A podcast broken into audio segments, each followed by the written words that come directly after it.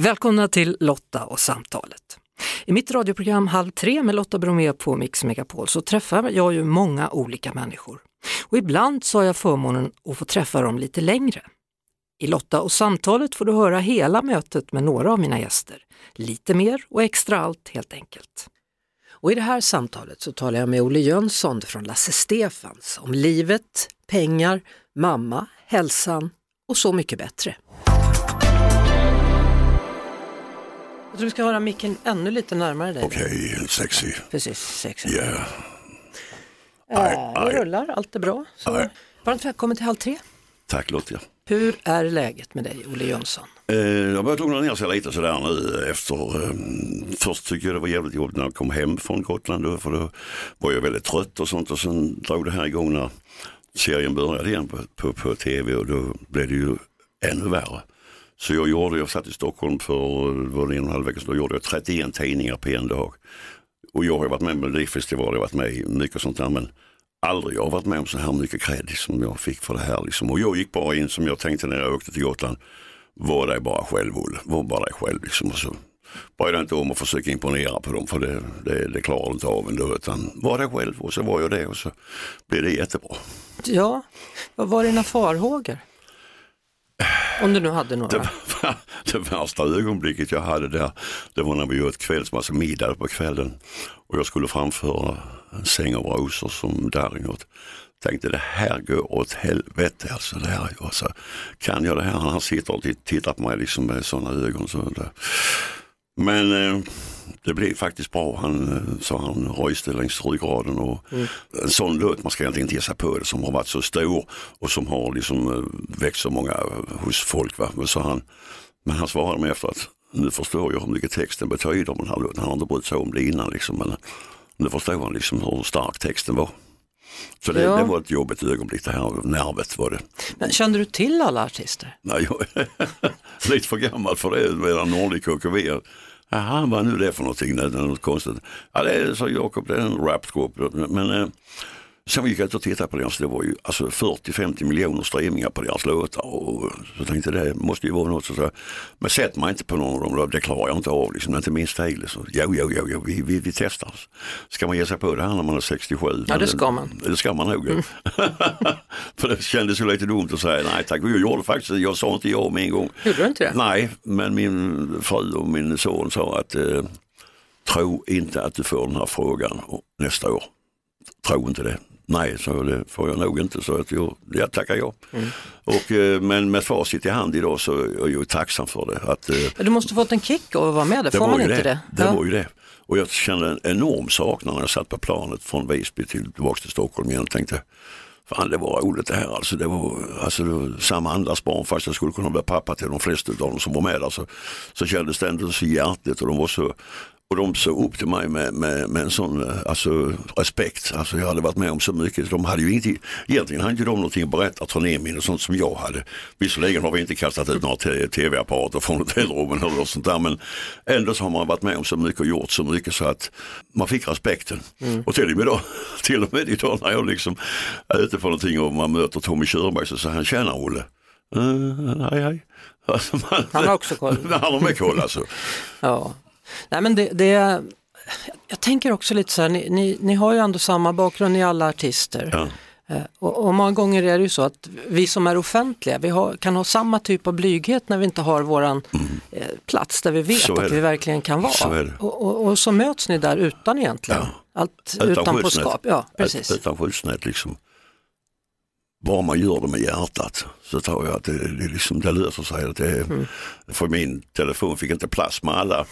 Jag fick sms från Hasse Andersson då, eh, Böst och jag fick från Christer Sjögren, jag fick från, ja, från alla, du kan tänka dig alla. Liksom. Jag trodde inte jag fanns i deras sinnevärld, men det fanns ju. Och det betyder mycket för hela den här genren som jag sjunger som jag spelar och jobbar i att vi är inga konstiga typer som åker omkring som bara sjunger om hjärta och smärta. Vi kan lite annat också.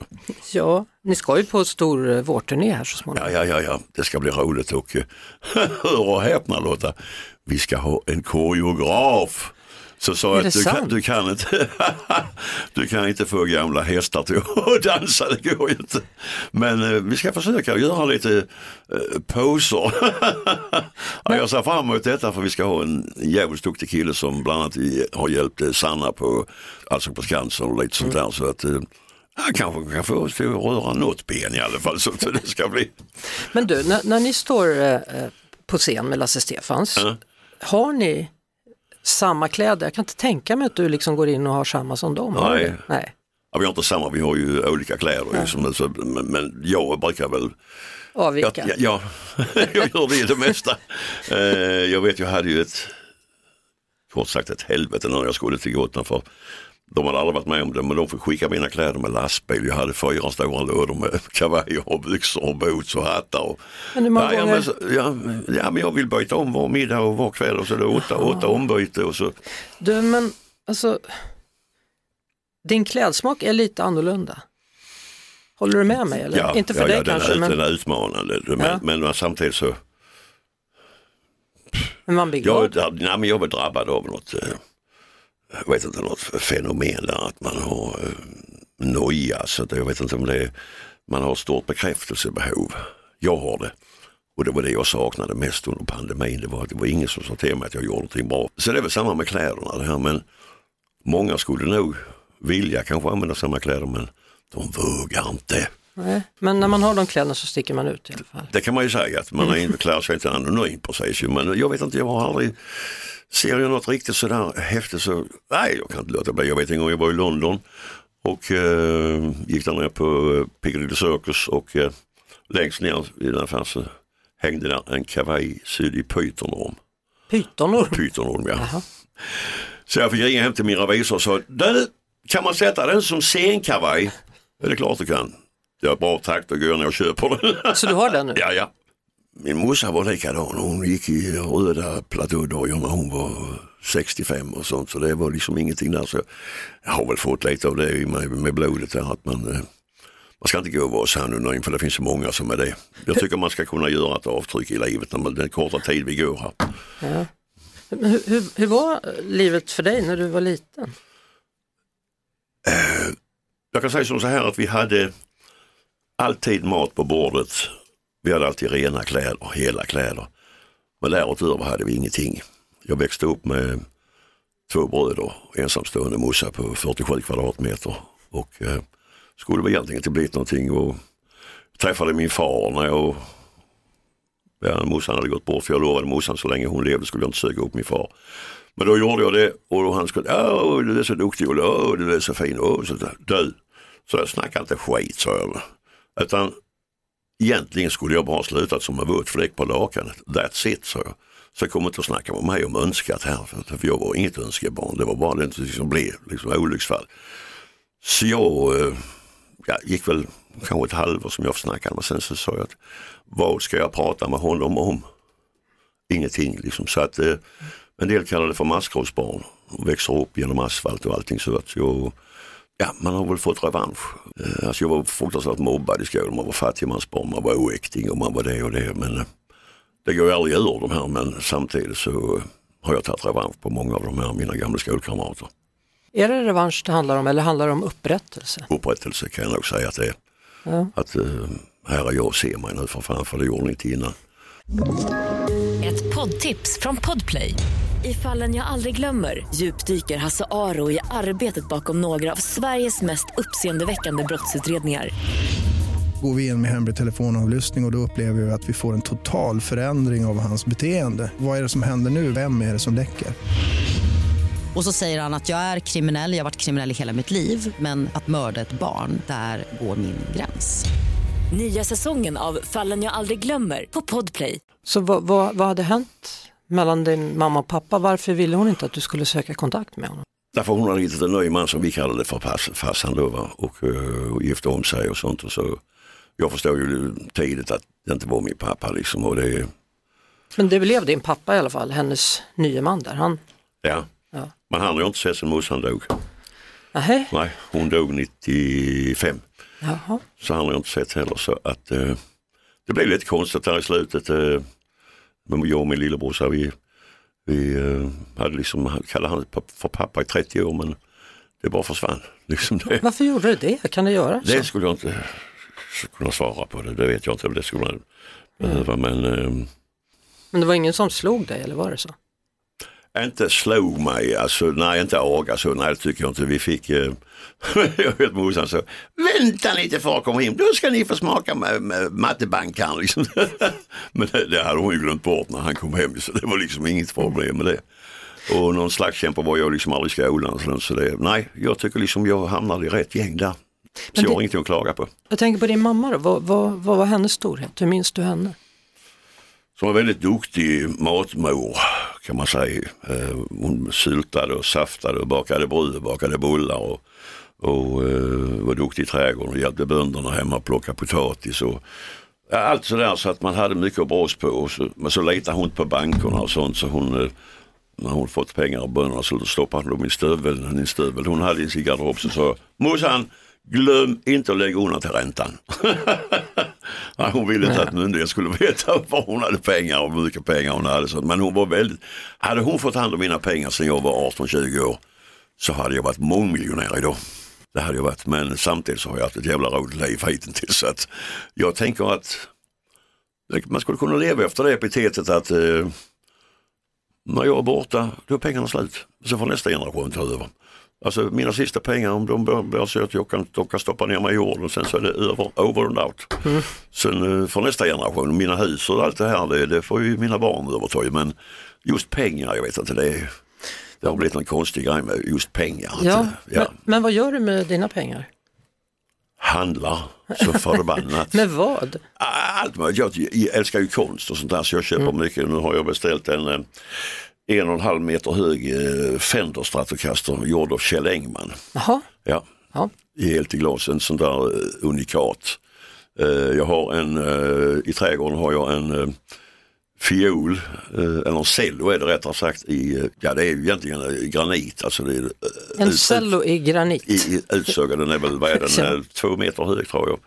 Utsågad i som, som där rinner vattenstrålar igenom som ser ut som strängar. Då. Det, Ja. Sånt älskar jag att lägga pengar och det spelar inte mig någon roll hur mycket. Och jag har en silhuett av Elvis Presley som en konstnär har gjort till mig i svart diabas eh, av Elvis Presley. Och det tycker jag, det tycker jag är mycket roligare att titta på än pengar. Jag trodde mest det var eh, djur. Djur får kosta mig mycket pengar men Ja. det tänker jag inte på för det var, var gång man ringer veterinären då vet man det är minst 2000 spänn. Även om de bara ska öppna munnen på dem. så är det för- Men Men jag du- skiter ju det om det är djur, om det får kosta precis vad det vill för att de ger så mycket tillbaka. Ja, vad, vad har du för djur?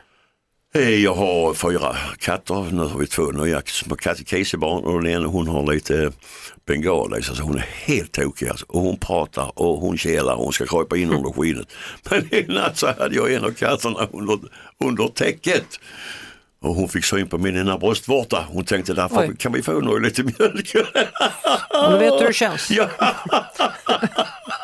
Men eh, alltså annars, ja det är mat till dem och det går ju, det är tusen, tusenlappar i månaden till mat och de ska ha det bästa maten och det för de ger så mycket tillbaka, de ger så mycket kärlek tillbaka så att där kan jag lägga hur mycket pengar som helst. Men, men har du en hund också eller? Har en hund också som heter Sugar Candy, heter hon alltså. Det, heter, alltså, det är ju sockervadd ju, men vi kallar den för Candy.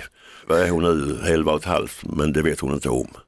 Hon tror hon är ett år, hon ska sitta i, i knät och titta på tv, den labbe på 35 kilo. Så att, eh, Sitta i knät? ja, hon vill det för Ja. hon vet inte om att hon är så pass gammal. Och sen så har jag två papegojor, en blågul Lara och en uh, grå Jacko och sen eh, två andra katter. Sen har jag har fyra hästar, jag har bland annat en häst som heter Corona. Men vad har du en Eh, hel gård? Eh, Ja, jag har en avstyckad gård mitt i skogen, Jaha. i Göingeskogarna. Så att, eh, och jag kan säga det, när jag flyttade upp där så var jag livrädd för hästar. Och jag tyckte de sparkade bak och bet fram. Men, Mm. men fy vilka kloka djur de är alltså. Oj, oj, oj, tänker man. De glömmer aldrig. Ja, livet utan djur hade varit skit tycker jag. Alltså. Jag var nere på semester nu i Turkiet så sa jag till min fru alltså, Gud vad jag längtar hem till kisarna. Alltså de, de satt ju där och väntade som två ljus sen när vi kom hem. Liksom. Det, Ja. jag sa, det är i alla fall någon som älskar oss här inne. Nog många som gör det. ja, jo, jo, jag vet det. Men. Grå Jacko, sa Grå du? Jacko, ja. De, kan den prata eller? Och så in i hoppsan. De, de, de är Min- bra på ja, det också. Ja. Så den gången jag gick förbi och sa och här kommer en tjockis. Så det var inte så roligt sagt egentligen. Vi släcker ljuset där hemma så här, godnatt. Alltså vi säger ingenting, godnatt. Då vet hon liksom, bra. ljuset då är det godnatt. Ett poddtips från Podplay. I podden Något Kaiko garanterar östgötarna Brutti och jag, Davva, dig en stor dos skratt. Där följer jag pladask för köttätandet igen. Man är lite som en jävla vampyr. Man har fått lite blodsmak och då måste man ha mer. Udda spaningar, fängslande anekdoter och en och annan arg rant. Jag måste ha mitt kaffe på morgonen för annars är jag ingen trevlig människa. Då är du ingen trevlig människa, punkt. Något Kaiko, hör du på Podplay. Därför är gardinerna. Du pratar ju om, om eh, din hustru. Ja. Att hon hade sagt att ta nu chansen att vara med Ja, dig ja. i Så mycket bättre. Va, vad betyder hon för dig? Jävligt mycket. Eh, hon är min uh, klippa i livet som jag kan bolla grejer mot. Hon har hjälpt mig mycket och hon, uh, mitt stöd alltså. Så inte, uh, 42 år, 42 år ja. gifta i 12. ja. Ni väntade ett tag där. Nej, det kan jag säga ärligt. Egentligen har jag varit ärlig med något annat så kan jag säga det att min pappa levde ju då. Min riktig pappa. Och då kom vi på att eh, om jag skulle kola vippen då så kunde han helt plötsligt göra anspråk på arvet efter mig. Så jag tänkte det ska han fan inte göra i alla fall. Så eh, vi gifte oss. Det var det enklaste sättet att skriva över sånt. Så därav gjorde vi det. Men ringen betyder inte så mycket det egentligen. Men det, det är det här eh, respekten för varandra. Och så har vi försökt att hålla på det som vi gör. Eftersom jag är vigselförrättare med så brukar jag säga till folk som gifter sig då att eh, somna aldrig ovänner. För det kan bli pannkaka och då men den andra vaknar igen. Min, min pappa sa eh, till mig någon gång som, som ett kärleksråd att det är viktigt att man kan vara tysta tillsammans Ja, också. det är faktiskt det. Och det är intressant för du pratar mycket, jag kan också prata mycket. Ja, men jag kan vara tyst med. Ja. Jävligt tyst. Jag älskar ju ensamtid med. Och jag kan hålla käften jättelänge. Vi ska inte leka tysta leken, inte så, men alltså jag kan vara tyst jättelänge och så bara, ja, vi kan sitta och köra bil i 20-25 mil jag och Nilla, vi säger inte ett ljud. Hur träffades ni då? På en dans till Thorleifs i Björksäter, Hässleholm. Jaha, Ja. Så att eh, sen flyttade vi ihop och sen så har vi bott ihop sen dess. Liksom. Så jag hade, brukar säga till Tord när jag träffade honom att eh, tacka dig för Gunilla, för annars hade jag inte träffat henne. ja. Men det är intressant det du sa om, om det här bekräftelsebehovet. Vad, vad, har du funderat, var kommer det ifrån? När började det? Var det redan som liten eller är det efter? Liksom? Nej, eller? liten hade jag inte alls, för det var ingen som kunde vilja bekräfta mig. Vad skulle jag vilja bekräfta för ingenting? Jag var ju dum som en ko i skolan. Men det var för att jag inte var intresserad av när Oscar han regerade i Sverige eller när Pontus Pilatus han svek Jesus. Alltså jag var inte intresserad av det alls. Jag var intresserad av musik, jag var intresserad av geografi, svenska, matematik. Jag gick åtta år i skolan och jag hade underkänt i musik i sju. Jag fick en Herregud, strejk. När man skulle gå fram till katedern då, kom nu Olle Jönsson, nu ska du sjunga en psalm. Jag kan inga psalmer så det blir inte, nej då får du strejk. Då fick jag strejk i musik. Men sista året så hade jag en lärare som hette Sven-Erik Persson. Då fick jag sjunga Ju mer jag ser dig, ju mer jag känner jag din kärlek. Jag vaknar upp en sommardag och ser dig ligga här och sova bredvid mig. Så att du nickar igenkännande, kommer du ihåg den? Ja, kommer du ihåg det? Så fick jag ett litet A och så fick jag premier. Fick jag köpa en bok för 30 kronor faktiskt på Möllers bokhandel i Kristianstad. Vad köpte du då? Jag kommer inte ihåg vad boken hette men jag har inte många böcker. Jag har en tjock bok där hemma som är skriven av Elvis eh, eh, livverksamhet, If I Can Dream. Som jag tycker är intressant, men det var för att Elvis intresserade mig liksom. Jag tycker det var en fruktansvärt livsöde han gick till mötes. Men eh, Har du varit där på Graceland? två gånger har lagt blommor på hans grav. Och eh, den dagen han dog då i augusti så eh, sov jag inte på två nätter. Och det konstiga var att det upprepade sig sen när Ronnie Pettersson dog. Då sov jag inte heller på två nätter. Fast jag inte hade någon relation med Ronnie Pettersson så tyckte jag de dog alldeles för unga. Jag menar Elvis var bara 42 år när han dog. Det kommer aldrig, jag säger aldrig, till att födas någon som blir större än Elvis var. Vad, vad är det som händer där när en människa blir sådär megakänd? Vad är det som gör att det blir så svårt? Du har ju Michael Jackson, du har Prince, Ja. du har Elvis, Janis Joplin, Marilyn Monroe. Ja. Vad är det som händer? Jag har ju själv märkt lite grann det här med att eh, jag har blivit lite folksjuk.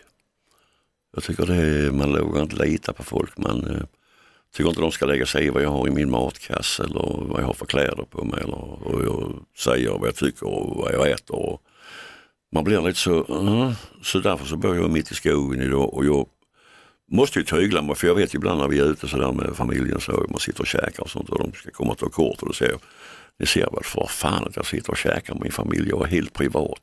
Låt mig vara i fred bara.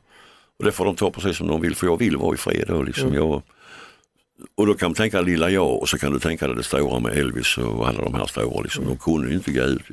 Men, men, men hur, har du, hur har du haft det med, med alkohol och Det droger? är 20 år sedan jag var onykter nu. Jag har inte druckit starksprit på 20 år, minst. Och jag tänker aldrig göra det mer heller. För jag lovade mig själv att aldrig mer jag ska vakna bakfull. Aldrig mer jag ska behöva gå och be om ursäkt för något som jag har sagt som jag inte har menat. Men det konstiga med det, de har gjort forskning. Så det kommer inte att 70-80 procent av alla hits som finns i världen är skapade under ett rus. Så, Ja. Ja, du kan ju lyssna på Hotel California så får du själv bedöma vad, det, vad, det handlar, vad det handlar om. Liksom. men, men, men när, när du då bestämde dig att inte, alltså betyder det att du inte dricker vin och öl eller? Nej. Inte det? Du är helt- Nej, jag, vi var, Är du helt vit vi nu? var ja, jag kan dricka, faktiskt ska jag säga, jag kan dricka en GT på sommaren, det blir riktigt varmt. Mm. Men jag vet när jag var nere i Carl Jans källare och eh, då hade vi släppt ett vin då. Så, så sa jag, mig spelar det ingen roll hur vin smakar, så om det är rött eller vitt för jag är färgblind. spelar inte mig någon roll. Men eh, nej, jag, min fru älskar ju vin, italienska viner. Hon tycker det är jättegott. Alltså, men jag har liksom aldrig förstått smaken i det. här. Eh, när man är i USA och det är riktigt, riktigt varmt eh, så tycker jag ju det är gott med, med, med en kall corona liksom, med en liten limeskiva i. Men nej, jag, Vad var det som gjorde då att, att, du, när du, att du bestämde dig, nu lägger vi ner det här, starksprit? Ah, Jag hade väl vaknat om morgonen då liksom med ångest och fick hålla i väggen för att inte eh, ommet skulle snurra runt. Så att, eh, men jag har inget sånt med pekpinnar och sånt men jag kan samtidigt säga det att under de 55 år som jag har varit ute på dansbanor så har jag inte träffat många som är roliga för att de har druckit. Tvärtom. Det blir plumpt och det blir, säger de saker som de inte alls menar. Världens snällaste människor annars men så kommer liksom Dr Jekyll och Mr Hyde. Liksom. Så att jag är så glad för att jag är ifrån det där. Jag är inte rädd för det här eh, att de ska slåss och sånt. Jag är mer rädd för att de så jävla tjabbande. Det ska vara, jag ska diskutera, du vet jag tycker om dig Ola, du är en kompis till mig. Ja visst, men säg det imorgon istället. Man kan säga det, Så kan vi ta det imorgon. Eh, Men jag är liksom ingen sån här förespråkare för att sluta dricka. Men jag kan ju förstå så mycket att eh, många skulle ju inte dricka. Det var ju folk som började tro att du hade alkoholproblem för att du, När jag hade familjär tremor ja som inte jag vet vad det är, men Ja, det är en ärftlig sjukdom. Eh, det var en läkare som misstänkte att jag hade fått Parkinson. Skickade mig till en Parkinsonavdelning på sjukhuset i Kristianstad. Där finns en speciell Parkinsonavdelning. Jag gjorde test på, jag fick dricka vatten, jag fick eh, skriva, jag fick skriva både vänster och höger, jag fick eh, gå framåt, jag fick gå bakåt.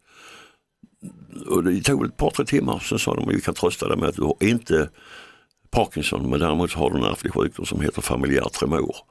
Och även min dotter har fått det och jag kan få eh, betablockerare som tar väck skakningarna helt men jag mår inte bra på de tabletterna för det sänker ju eh, hjärtfrekvensen och då blir jag jättekonstig.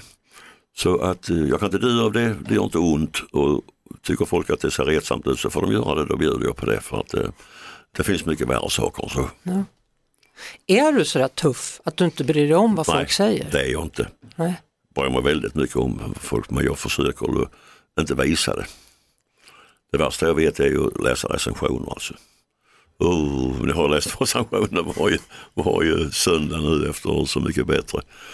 Jag blev så glad för att Markus Larsson på Aftonbladet gav mig fyra plus när jag hade tolkat Darins eh, Säng av rosor. Så eh, egentligen skulle jag inte läsa de här recensionerna och lyssna på vad folk säger. Och, Egentligen skulle jag kunna tala mitt eget språk. Jag har liksom väggarna fulla av guld och platinaplattor hemma, grammisar och allt vad det är. Så, Men eh, jag har till och med gått på KBT. Men det hjälpte inte mig, jag kunde inte stärka mitt självförtroende. Det hjälpte inte mig ett skit alltså. Eh, Jag kunde inte vara bättre. Men jag tror det har med, med skolgång och sånt att göra. Att man var dum som en ko i skolan. Man liksom, Det har satt sig det där, för det är tredje Ja. gången du säger dum Ja. som en ko. Ja, Ja. men jag, eh, jag var det med. Alltså det är inte bara Nej, jag är inte säker på det. Nej, kanske jag inte var men problemet var att jag var inte intresserad av det. Jag, var inte, jag läste aldrig några läxor, Nej. hade inget intresse av det och eh, Vad gjorde du då på dagarna när du kom hem från skolan? vi var ute och lekte cowboys, var vi ute och gjorde, vi var ute i skogen mycket och lyssnade på mycket musik. Morsan hade en sån här vet, som skivspelare som um, kunde ladda tio skivor så spelade den, liksom, den trillade ner efterhand. Och hennes stora idol var ju Jim Reeves. Inte Elvis? Nej, Jim Reeves var den, eh, det var som, eh, Mm. och eh, skolan hanns inte med och så spelade fotboll gjorde jag och eh, naturligtvis är det mycket bra att förkovra sig i skolan. Det kommer ju ingenstans utan det men samtidigt så förstår jag inte vad historia och kristendom har med det att göra liksom, om du förkovrar dig. Men jag är inte artist, absolut inte. Älskar att gå i kyrkan och sjunga och sådär så att eh, det har inte med det att göra. Eh, På något vis, jag vet ju när jag låg inne med min hjärtinfarkt så knäppte jag händerna in och bett- läste en bön. Att, eh, nu får du komma och hjälpa mig här för nu är det fara och färde. Ja, hur var det med den här hjärtinfarkten? Hur länge jag- sedan är det? Eh, 06 fick jag den, satt hemma och klippte gräset och min familj var uppe i Ullared och skulle köpa hästgrejer och jag tyckte precis som att jag blev toalettnödig. Så tänkte jag få gå in på toaletten men jag gick bara tre steg så trillade jag i mattan och så och svittades och jag tar till och med jag kissade i byxan men i alla fall så ringde jag ju 112 och då var de där på en kvart och så fick jag spray under tungan och eh, ja, sen åkte jag in och sen blev jag ballongsprängd efter några dagar. Så, sen dess har jag inte känt någonting, peppa peppa. Vad var det tror du? Var det stress eller var det Stress, eh, genetiskt, eh, för mycket jobb? bukfetma. Så jag hade alla ingredienser, jag hade kryssat av hela bucketlisten där Mm. få hjärtinfarkt. Men var du rädd då när du låg där på sjukhuset eftersom du knäppte händerna? Så ja, då var jag rädd den kvällen. Ja. De hade väckt mig på morgonen efter ballongsprängningen, då hade jag 37 i puls. Så sa läkaren till mig antingen du är väldigt vältränad eller så är det något fara färde. Och då tänkte jag att, jaha, så vi har satt upp det på en tid i en sån pacemaker nere i Lund. Och då började jag tänka på en film som hette Det våras för stumfilmen med Marty Feldman och de här att de spelade pip, pip, pip, pip, pip, pip. Så tänkte jag tänkte jag på mina trådlösa mickar och sånt man har på scenen. Men sen kom läkaren på morgonen och sa att eh, vad är det för en idiot som har varit här och undersökt dig nu här och så sagt till dig så här, de vet väl att när vi har varit inne i hjärtat så, så blir det oftast så och då, eh, men det läker så. Så på eftermiddagen så hade jag ja, 70 igen i puls liksom, så det var det som var. Var det före eller efter du hade knäppt händerna? Det var efter. Efter, ja. Och sen en, en, en kväll när jag gick där inne så kom min morsa med in och sa till henne, nu får du rycka upp dig Olle, för nu. Och då hade hon varit död sedan tio år. Och jag kan se henne lika klart som jag ser dig låta här nu. Att, eh, Hon var inne hos dig när Ja, du var på ja, sjukhuset? ja, ja, ja. Och Och sa säger, det säger jag för att jag vet själv det. Så, så får de, nej vad är det för skit och snack? Det är inget skit. Så jag såg det så det får du tro på det om du vill. Och Men hon var där. pratar de med dig? Ja, hon sa till mig att du får rycka upp dig så gick hon där med lite kutrygg som hon var liksom. Och så, Okej, då gör jag det. Och sen, sen, för jag tänkte nu är det nog kris här och mina barn var där inne och de tårade och pappa liksom, ja, ja, jag kan inte göra någonting åt detta. Jag kan inte göra någonting åt detta. Men eh, jag kan kämpa så. Jag. Men sen blev jag som blev utskriven efter en och en halv vecka. Och sen så eh, har jag varit på sen dess. Så, eh, nej, jag är inte rädd för andra sidan nu längre som jag var innan. Jag kunde få fobi för det. Ja, ja, så det blev en trygghet att mamma kom där då? Ja, jag tror vi kommer till ett rätt bra ställe faktiskt. Jag vet ju, jag var ju där och tittade och det var det gröna ängar och det var jätteskönt. Jag upplevde inte alls det som något farligt. Alltså, det var bara att somna bort och inte ont eller sånt mer. Ja. Sen har du diabetes dessutom Mm, ovanpå allt. och det är ju inte bra.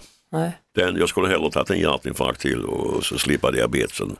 För det blir jag påminna om varje dag. Har jag druckit rätt? Har jag ätit rätt? Har jag sovit rätt? Har jag rört mig rätt? Har jag och nu ska vi se vad sockret är där. Jag så gärna får vi ta en spruta så får vi ta lite metformin och så så. Och så. Det blir jag påminn om varje dag.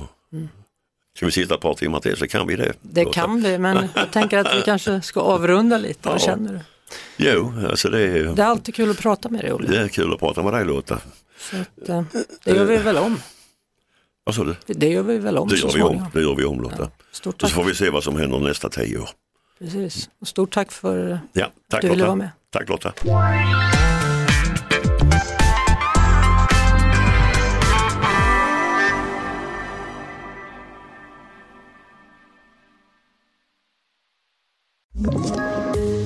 Ett poddtips från Podplay. I podden Något Kaiko garanterar östgötarna Brutti och jag, Davva, dig en stor dos skratt. Där följer jag pladask för köttätandet igen. Man är lite som en jävla vampyr. Man har fått lite blodsmak och då måste man ha mer. Udda spaningar, fängslande anekdoter och en och annan arg rant. Jag måste ha mitt kaffe på morgonen för annars är jag ingen trevlig människa. Då är du ingen trevlig människa, punkt. Något Kaiko, hör du på Podplay. Därför arkadeinerna.